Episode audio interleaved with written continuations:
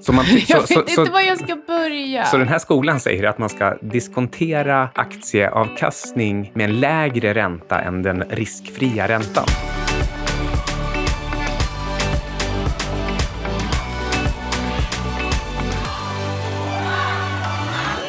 Gott nytt år, outsiders Anna! Gott nytt år, Carl Micke Ahl Syding. Och gott nytt år, Alexander Martin som klipper outsiders. Jag har något kul att berätta. Berätta. MUI-index, som jag följer som en slav, är upp i Kina. Och vad är MUI-index? Jo, det är Men's Underwear Index. Och det har funkat väldigt bra för att eh, prognostisera eller mäta precis i början på en eh, uppgångscykel.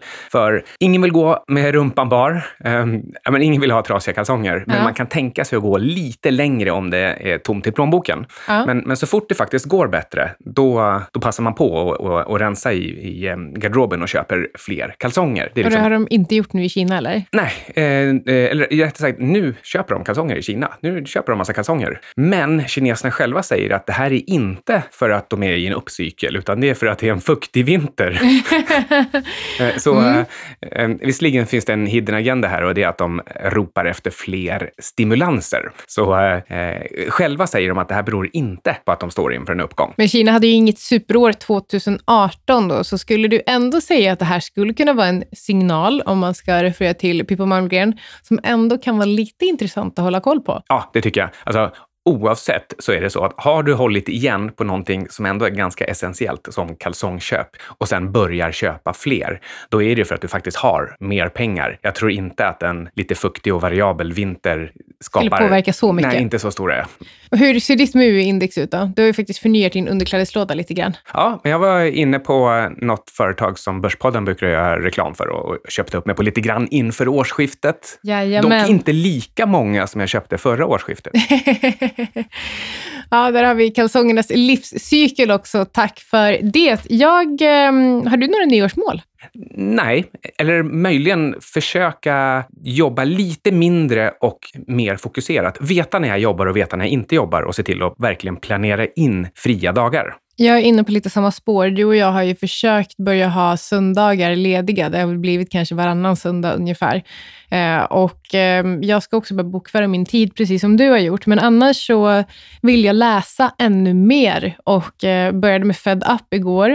Eh, för centralbanks Svan är på väg tillbaka. Jag kunde inte hålla mig borta så himla länge. Så mer läsande och mer strukturerat. Jag ska också faktiskt schemalägga mitt läsande. Jag gjorde det ett tag, så att jag läste minst en timme om dagen. Eh, men eh, jag saknar det. det. Det är mitt bästa sätt att hitta inspiration för mitt jobb eh, till. Mm.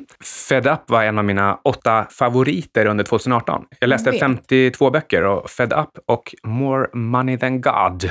Ja, jag har faktiskt verkligen sett fram emot att läsa Fed Up och det känns faktiskt som att den, eh, ja, men den kommer nog ganska bra in efter de här andra centralbanksböckerna som jag läste under förra året. Men vad är det vi ska prata om idag? Vi kör ju första avsnittet avsnittet det här året. Vi ska prata om vad man kan göra vid årsskiften. Vad, hur ser årsskifteslogiken ut när det gäller ny information och dina egna nya handlingar och eh, åtgärder? Precis, och även om det inte händer så mycket mer mellan 31 december och 1 januari än vad det gör typ mellan 12 och 13 augusti, så tycker folk att det gör det och då gör det ju faktiskt det. Precis. Eh, Nästa år, det betyder ju nu 2020 istället för 2019. Och eh, P-talet för föregående år, innevarande år och nästa år, det förskjuts ju 12 månader framåt. Så det kan också vara dags då, om man ska säga någonting, dags att uppdatera era små prognoser kanske. Det kan vara en sak att kickstarta det nya året med, eller kanske efter bokslutsrapporter.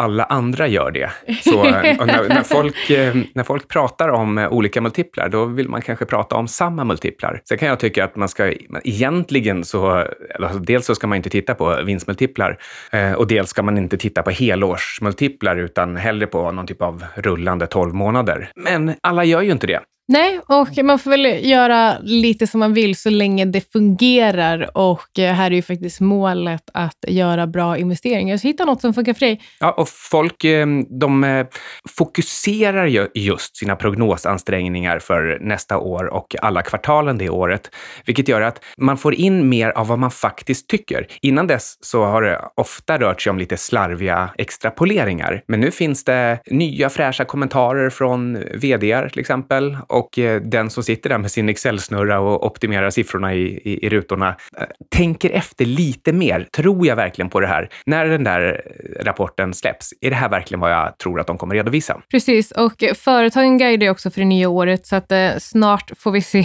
nya fräscha årsredovisningar med lite glättiga verksamhetsbeskrivningar, tillrättalagda positiva vd-ord.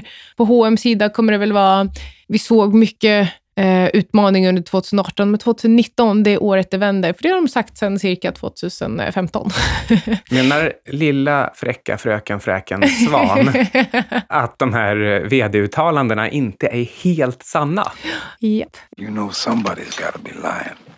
Men H&M vet ju alla att jag faktiskt verkligen ser fram emot och eh, 31 januari håller vi utkik efter och då åker ju faktiskt du och jag till finska Lappland också. Ja, Nej, men så, så här är det sammanfattningsvis. Det kommer massa information runt årsskiftet. Den informationen tenderar dessutom till att vara lite positiv. Det är precis som det här med att man säger att nu ska jag gymma tre gånger i veckan hela året. Så, så slänger man ur sig positiva prognoser och, och folk går in med nya fräscha pengar och köper till lite grann i portföljen. En del känner för att köpa eh, Dogs of the Dow, alltså bolag som har gått dåligt. Andra känner för att köpa mer av vinnare. Men det är, det är ganska få som har som, som årsplan när januari börjar att sälja saker i portföljen.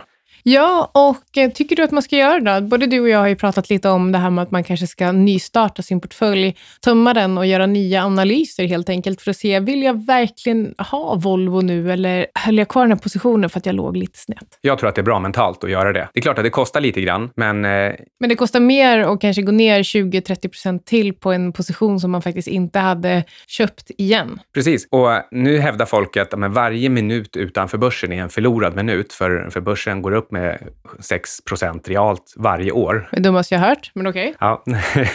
så, så, eh, så därför så vill de aldrig ligga utanför börsen. Mm, det, här, det här har man ju hört. Det är inte timing the market, the time in the market och så vidare och så vidare. Men allting handlar ju om att hitta rätt marknader och det ska vi också prata om lite senare i det avsnittet, eller hur? Ja, men oavsett så tycker jag att det är en bra idé att eh, sälja ur sig helt och hållet mentalt, åtminstone några dagar. Varför inte en vecka eller en månad så att du blir utvilad och fräsch. Och sen när du börjar trycka in i portföljen igen, eh, då, gör du då tar du verkligen de positioner som du vill ta. Det är lite samma effekt som alla som uppdaterar sina prognoser. Då uppdaterar man dem på det sätt som man verkligen tror snarare än att det bara var en liten, en liten slarvig höftning. Ja, och hur många har vi inte sett som trycker in siffror i sina Excel-snurror för att det ska se ut som att de får högre avkastning, snarare än att de faktiskt gör riktiga prognoser som, eh, som dessutom är verklighetstrogna.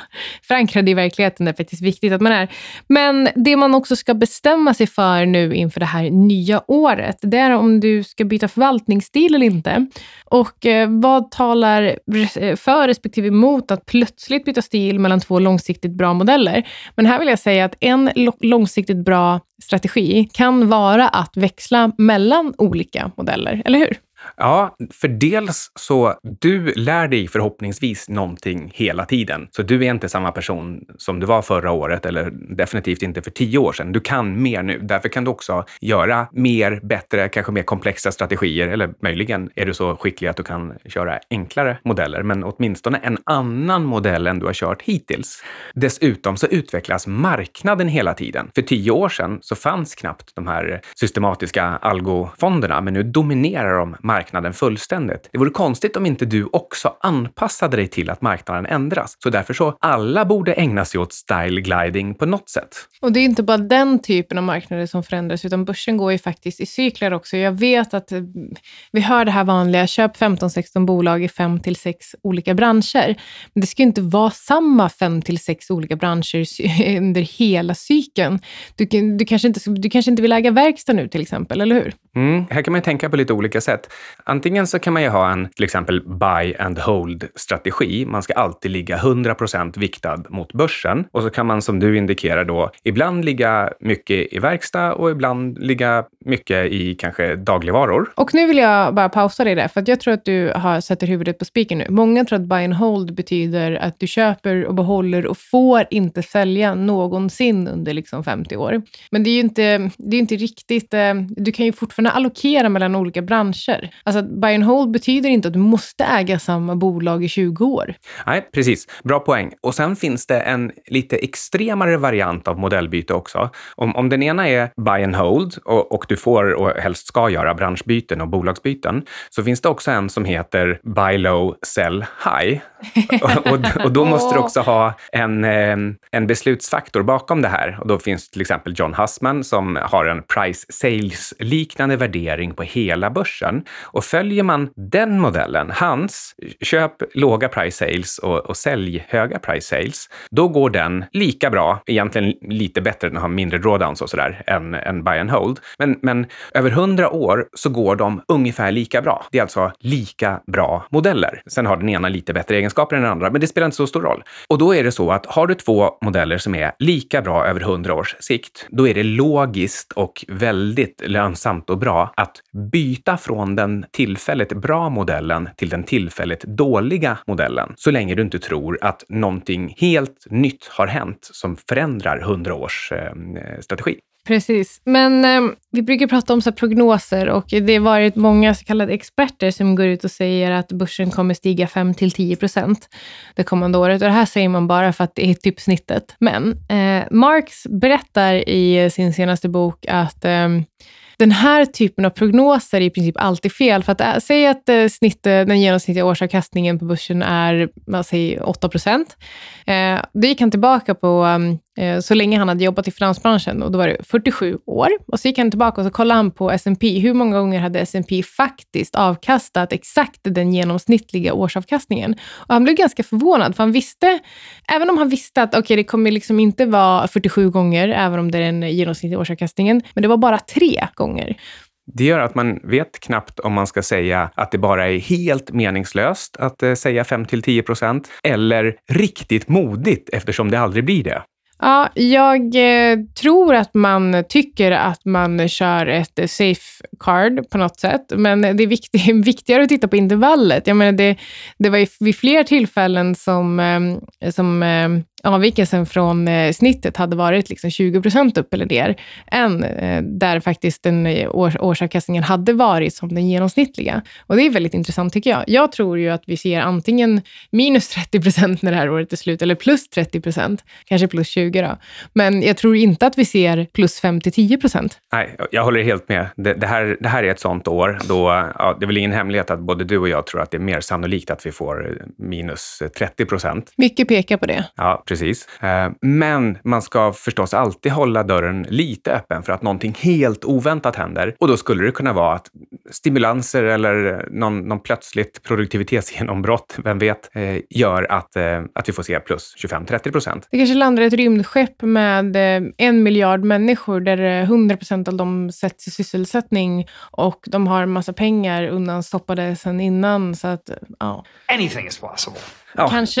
det hade varit en svart Någonting konstigt händer. Ehm, men, men, men det här med plus 5 till 10 procent givet alla signaler vi har om makro och värdering och dessutom har fått ett litet varningsskott här under 2018. Det verkar fullständigt osannolikt. Och vet du vem det är som typiskt lägger den där prognosen om plus 5 till 10 procent? Ja, men så, här, så kallade experter. Ja, det, det är proffs, men som inte placerar själva. Och så finns det en kategori till. Det är newbies på börsen som inte vet vem de ska lyssna på då lyssnar de på de där så kallade experterna. Men däremot riktiga, praktiserande förvaltare med lite erfarenhet, de säger aldrig 5 till 10 procent. Nej, jag blir, brukar faktiskt bli ganska förvånad, för jag tycker att, eh, ja, men som jag sa, jag tycker att det är ganska märkligt att inte ens bara gå tillbaka till historien och se hur många gånger har börsen faktiskt avkastat den här genomsnittliga siffran. Genomsnitt behöver liksom inte vara norm och det tror jag är väldigt, väldigt viktigt att komma ihåg och faktiskt viktigt att skilja på. Jag tänkte på en sak. Det, det, finns lite saker som händer kring årsskiftet också. Och det är att man kan till exempel vilja sälja och köpa aktier för window dressingens skull. Så bolag som har gått bra under året, de brukar man köpa det sista man gör för att visa upp en fin portfölj och visa att man har haft vinnarna i portföljen. Sen att det är lite märkligt att de inte har gett utslag i, i avkastningen, det är en annan sak. Men, men man, folk tenderar till att titta på att ah, men det är bra, de, de har haft det här bolaget som har gått upp. Och på samma sätt så säljer man förlorarna precis i, i slutet. Eh, och det finns ytterligare en effekt som förstärker det här och det är om man inte har aktierna i en ISK utan man på något sätt är utsatt för, för skatt. Och skatt är stöld, som alla vet. Men om man är utsatt för den här typen av årligt rån, då vill man sälja sina förlorare innan årsskiftet för att kunna få förlustavdrag och sen säljer man inte vinnarna, om man nu vill sälja dem, förrän efter årsskiftet för att ja, spara på skatten ett extra år. Så det, det finns liksom två effekter som drar åt att förlorare förlorare går ännu sämre inför årsskiftet. Och det betyder att kanske är det där man ska leta efter sina, sina köpcase. Men på tal om köp och säljcase så vill jag prata lite om risk. För jag såg att det var någon på Twitter som eh, la ut, eh, la ut lite bilder och så skrev, eh, skrev han, se, här har ni beviset för att aktier på lång sikt är den mest risk, den tillgången med lägst risk. Det är intressant att han antingen har han kommit på det här fyrkantiga hjulet själv. Nej, det var massa refererat till någonting och du nämnde den här boken. Jag misstänker att det kanske var ifrån den. Och berätta om den. Ja, den heter, om jag minns rätt, Dow 36 000. Den skrevs 99 eller år 2000 och den var helt enkelt bara gjord för att förklara varför börsen stod så högt och skulle kunna gå ännu mer. Och eh, då går cirkel, cirkelresonemanget så här. Eftersom börsen avkastar 6% realt per år över tid um, och, och därmed är den bäst avkastande tillgången över tid, så har den också lägst risk. Det var faktiskt exakt uh, så här han formulerade sig. Och jag, jag så här bara, jo, så man, så, jag vet så, inte var jag ska börja. Så den här skolan säger att man ska diskontera aktieavkastning med en lägre ränta än den riskfria räntan. I uh, Marks uh, både The Most Important Thing och Mastering the Market Cycle så pratar han ju om risk och det är några av mina favoritkapitel och just nu eh, läser jag det kapitlet om riskcykler och jag tyckte att det här var ett extremt bra, alltså en bra signal skulle vi kunna kalla det för, eh, för var vi befinner oss i den här riskcykeln. Risk existerar inte och finns det någon risk så är den i alla fall på alla andra ställen förutom just aktiemarknaden. Och nu är det dessutom jättebilligt. Nu kan man köpa dippen. Och man kan nog köpa en dipp om 10% ner, om 10% ner, om 10% ner och 10% ner. Det är alltid så här cykliskt. När det är en uppcykel, då försöker man förklara bort alla saker som har med risk och pris att göra. Och när det är en eh, nedcykel och man närmar sig botten, då eh, är det plötsligt på modet att man ska diskontera med extra hög ränta och eh, kräva extra låga priser. Så det är inget nytt under solen och min bedömning är att all, all den här liksom extra volatiliteten, make volatility great again, som, som Trump säger, den indikerar helt enkelt att eh, placerare inte riktigt överens. Så eh, de, en, en del vet inte om man ska fortsätta köpa och en, och en del kan vi säga då har förstått att det är dags att sälja. Och eh, successivt så eh, övertygar den ena gruppen den andra gruppen. Och eftersom vi har gått upp ovanligt länge och ovanligt mycket och det är historiskt dyrt så är det inte så konstigt om eh, eh vinnarna blir de här lite negativa. Ja, så är det väl kanske absolut. Men eh, har du några mål eller nyårslöften för dina investeringar? Vi pratar ju om att du ska allokera din tid bättre. Ja, jag tänker att eh, bättre om jag bollar över den frågan till din strategi eftersom du sköter mina noterade innehav. Och det kan vi också säga, din portfölj stängde året på cirka minus 2% men det är ju bra mycket bättre än eh, aktier, hur de gick. Och framförallt de senaste tre månaderna är du upp ungefär 1,5 procent. Jag fortsätter så här. Jag funderar, eh, jag funderar faktiskt på om jag till och med ska sänka aktiedelen ytterligare. Jag eh, tog en lite större sojabönsposition där eh, i somras ehm, efter, ehm, efter handelskriget, efter att man föll. Jag har minskat den lite, köpt lite mer majs. Men eh, ja, nej. Eh, däremot så satt jag faktiskt idag med min ena partner i Cygnus och eh, satt och experimenterade lite med ett nytt råvaruindex som vi funderar på att bygga för att vi insåg att men åtta råvaror är faktiskt lite för lite i den här modellen. Så det ser ut som att vi kommer utöka det här till 17 råvaror där vi kommer ha ett intervall på en viktning mellan 1 till 10% per råvara. Så mm, ja, nej men, mitt mål är väl att fortsätta utveckla Cygnus och fortsätta investera enligt den här strategin. Låter bra. Om man har en råvara, varför inte göra den till två, som alla brukar säga? Och det här, jag vet inte om ni hör, om ni förstår det jag säger. Alltså jag pratar ju om allokering mellan olika tillgångslag för att minimera risken. Och nu pratar jag alltså om att dra ner risken ytterligare i ett av tillgångslagen. Eh, så på det sättet jobbar vi. Och om man ska titta på hur vi har, eh, det kan jag säga också, hur har vi bestämt viktningen i det här indexet då? Eh, då tittar vi först på likviditet och eh, sen på volatilitet. Så de råvaror med lägst likviditet har minst viktning och sen har vi också tittat på volatiliteten i råvarorna. Så låg volatilitet på lång sikt, alltså över fem år, och hög volatilitet på kort sikt, förutsatt att det betyder att råvaran i fråga har gått ned i pris. Så är den billigare får den lite större utrymme. Så du eller ni har utökat ert eh, universum av råvaror för att eh, både öka möjligheterna och minska risken i portföljen. Kan man eh, göra likadant med aktiedelen? Hur ser du på småbolag? Hur jag ser på småbolag? Alltså jag sitter ju inte och jag håller inte på med stockpicking alls egentligen.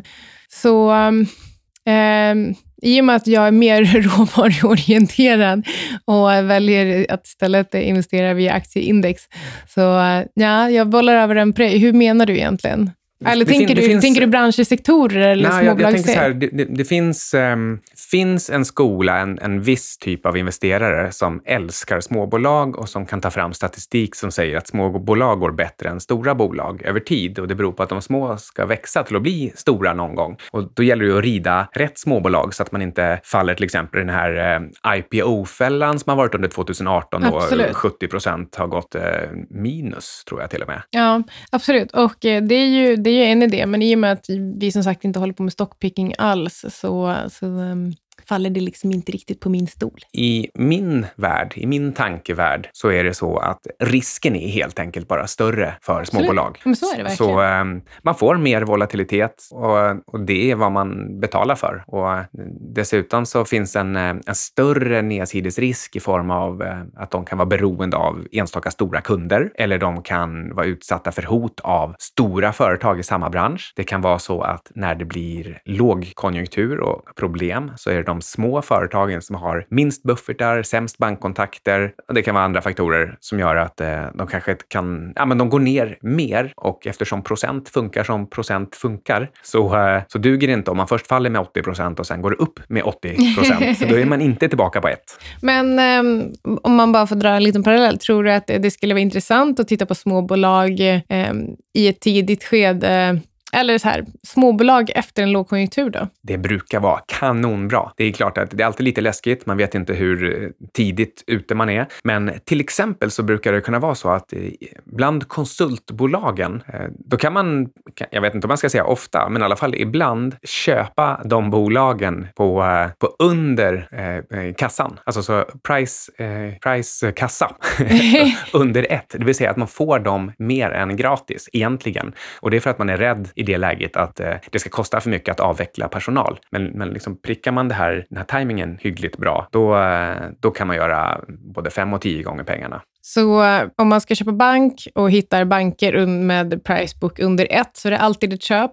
Och är man sugen på småbolag så ska man vänta ut till efter en rejäl nedgång på börsen, för då kan det se riktigt, riktigt snyggt ut med andra ord. Ja, och undvik att köpa billiga P tal på vägen ner, för det kan ofta se billigt ut precis hela vägen ner. Och det kan också innebära att när man är på botten så kan det se ut som att P talen är superhöga, men eh, det behöver inte betyder någonting och det är därför P tal inte är en bra enda parameter att titta på. Nej, man måste vara väldigt skicklig på att göra vinstprognoser i sådana fall om man ska kunna våga lita på sina forward-looking P tal Precis. Har du något mer du vill tillägga i Outsiders? Nej, fröken Svan. Men eh, då hoppas jag att alla ni som lyssnar får en fantastisk början på ett eh, förhoppningsvis fantastiskt börsår. Och kom ihåg att titta på andra marknader än aktiemarknaden, framför allt nu. Släng ett öga på guld, släng ett öga på råvaror och eh, passa på att ha som nyårsmål att lära er om ytterligare en marknad och bli riktigt skicklig på att hitta andra möjligheter än bara en. There is an alternative. Tina. Jajamän. Hej då från Outsiders.